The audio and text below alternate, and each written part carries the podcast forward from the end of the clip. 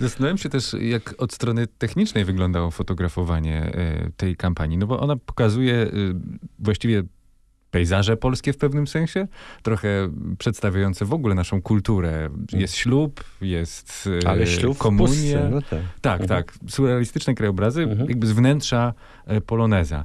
E, czym pan to fotografował? To były jakieś takie z obrotowymi obiektywami, Tak, panoramiczne. e, Był taki aparat, może jeszcze jest produkowany, on się nazywał Goryzont, czyli e, radziecki aparat. Radziecki horyzont. Tak.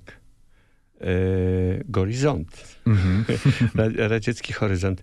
Obiektyw ruszał się tak, aby pokryć kąt y, 140 stopni, czyli ten kąt, który, który my widzimy, prawda? Y, dwojgiem oczu. I y, ten aparat był bardzo ryzykowny, ponieważ no, to była rosyjska, radziecka produkcja. W związku z tym, żeby uzyskać pełen efekt równego naświetlenia całej klatki, to on musiał się idealnie równo poruszać. A on bardzo często z jakichś powodów, na przykład za niskiej temperatury albo za wysokiej, albo w pewnym momencie przyspieszał, bo odbywał taką drogę dosyć wolno i bardzo głośno. On był na sprężynę po prostu. Czasami przyspieszył, czasami zwolnił, co to znaczy, że nagle kawałek klatki było jaśniejsze albo ciemniejsze. Nie było wtedy komputerów, nie można było tego e, wypełnić.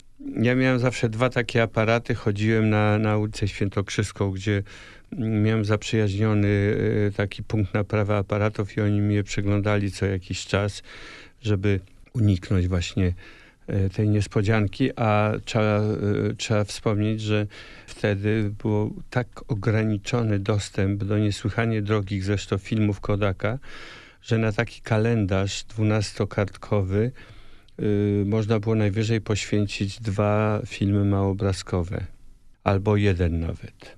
Trzeba Czyli właściwie mieć- prawie każde zdjęcie musiało być idealne. No bo prawie. skoro jeden film to 36 klatek. 36, mamy trzy próby na No tak. każdy miesiąc. Co to oznaczało? Że trzeba było się mm, niesamowicie mo- przygotować do każdego, y, do, do każdego ujęcia. Ja dokładnie miałem to rozrysowane i wiedziałem, jak to ma wyglądać.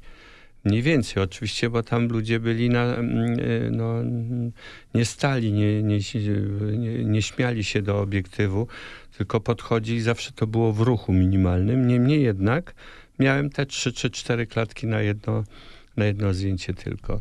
Musiałem ogarnąć cały kadr od razu. Nie tak, że przychodzę na plan i nagle się zastanawiam, jak to zrobić, tylko to wszystko było już w głowie. Szczerze mówiąc, cały czas ciężko mi sobie to trochę wyobrazić, że na taki kalendarz było 36, nawet y, 72 zdjęcia. Mm. Ile kosztował wtedy film, że to rzeczywiście był No, problem? Tak przeliczony na dniówkę. Film kosztował chyba 5 y, czy 6 dolarów. Razy 100 to jest 600 zł. A pensje wtedy? A pa, pa, pa, e, przeciętna zarobku była 3000 zł. Myśmy się już tak nauczyli pracować. I, I trudno było dostać te filmy, wręcz.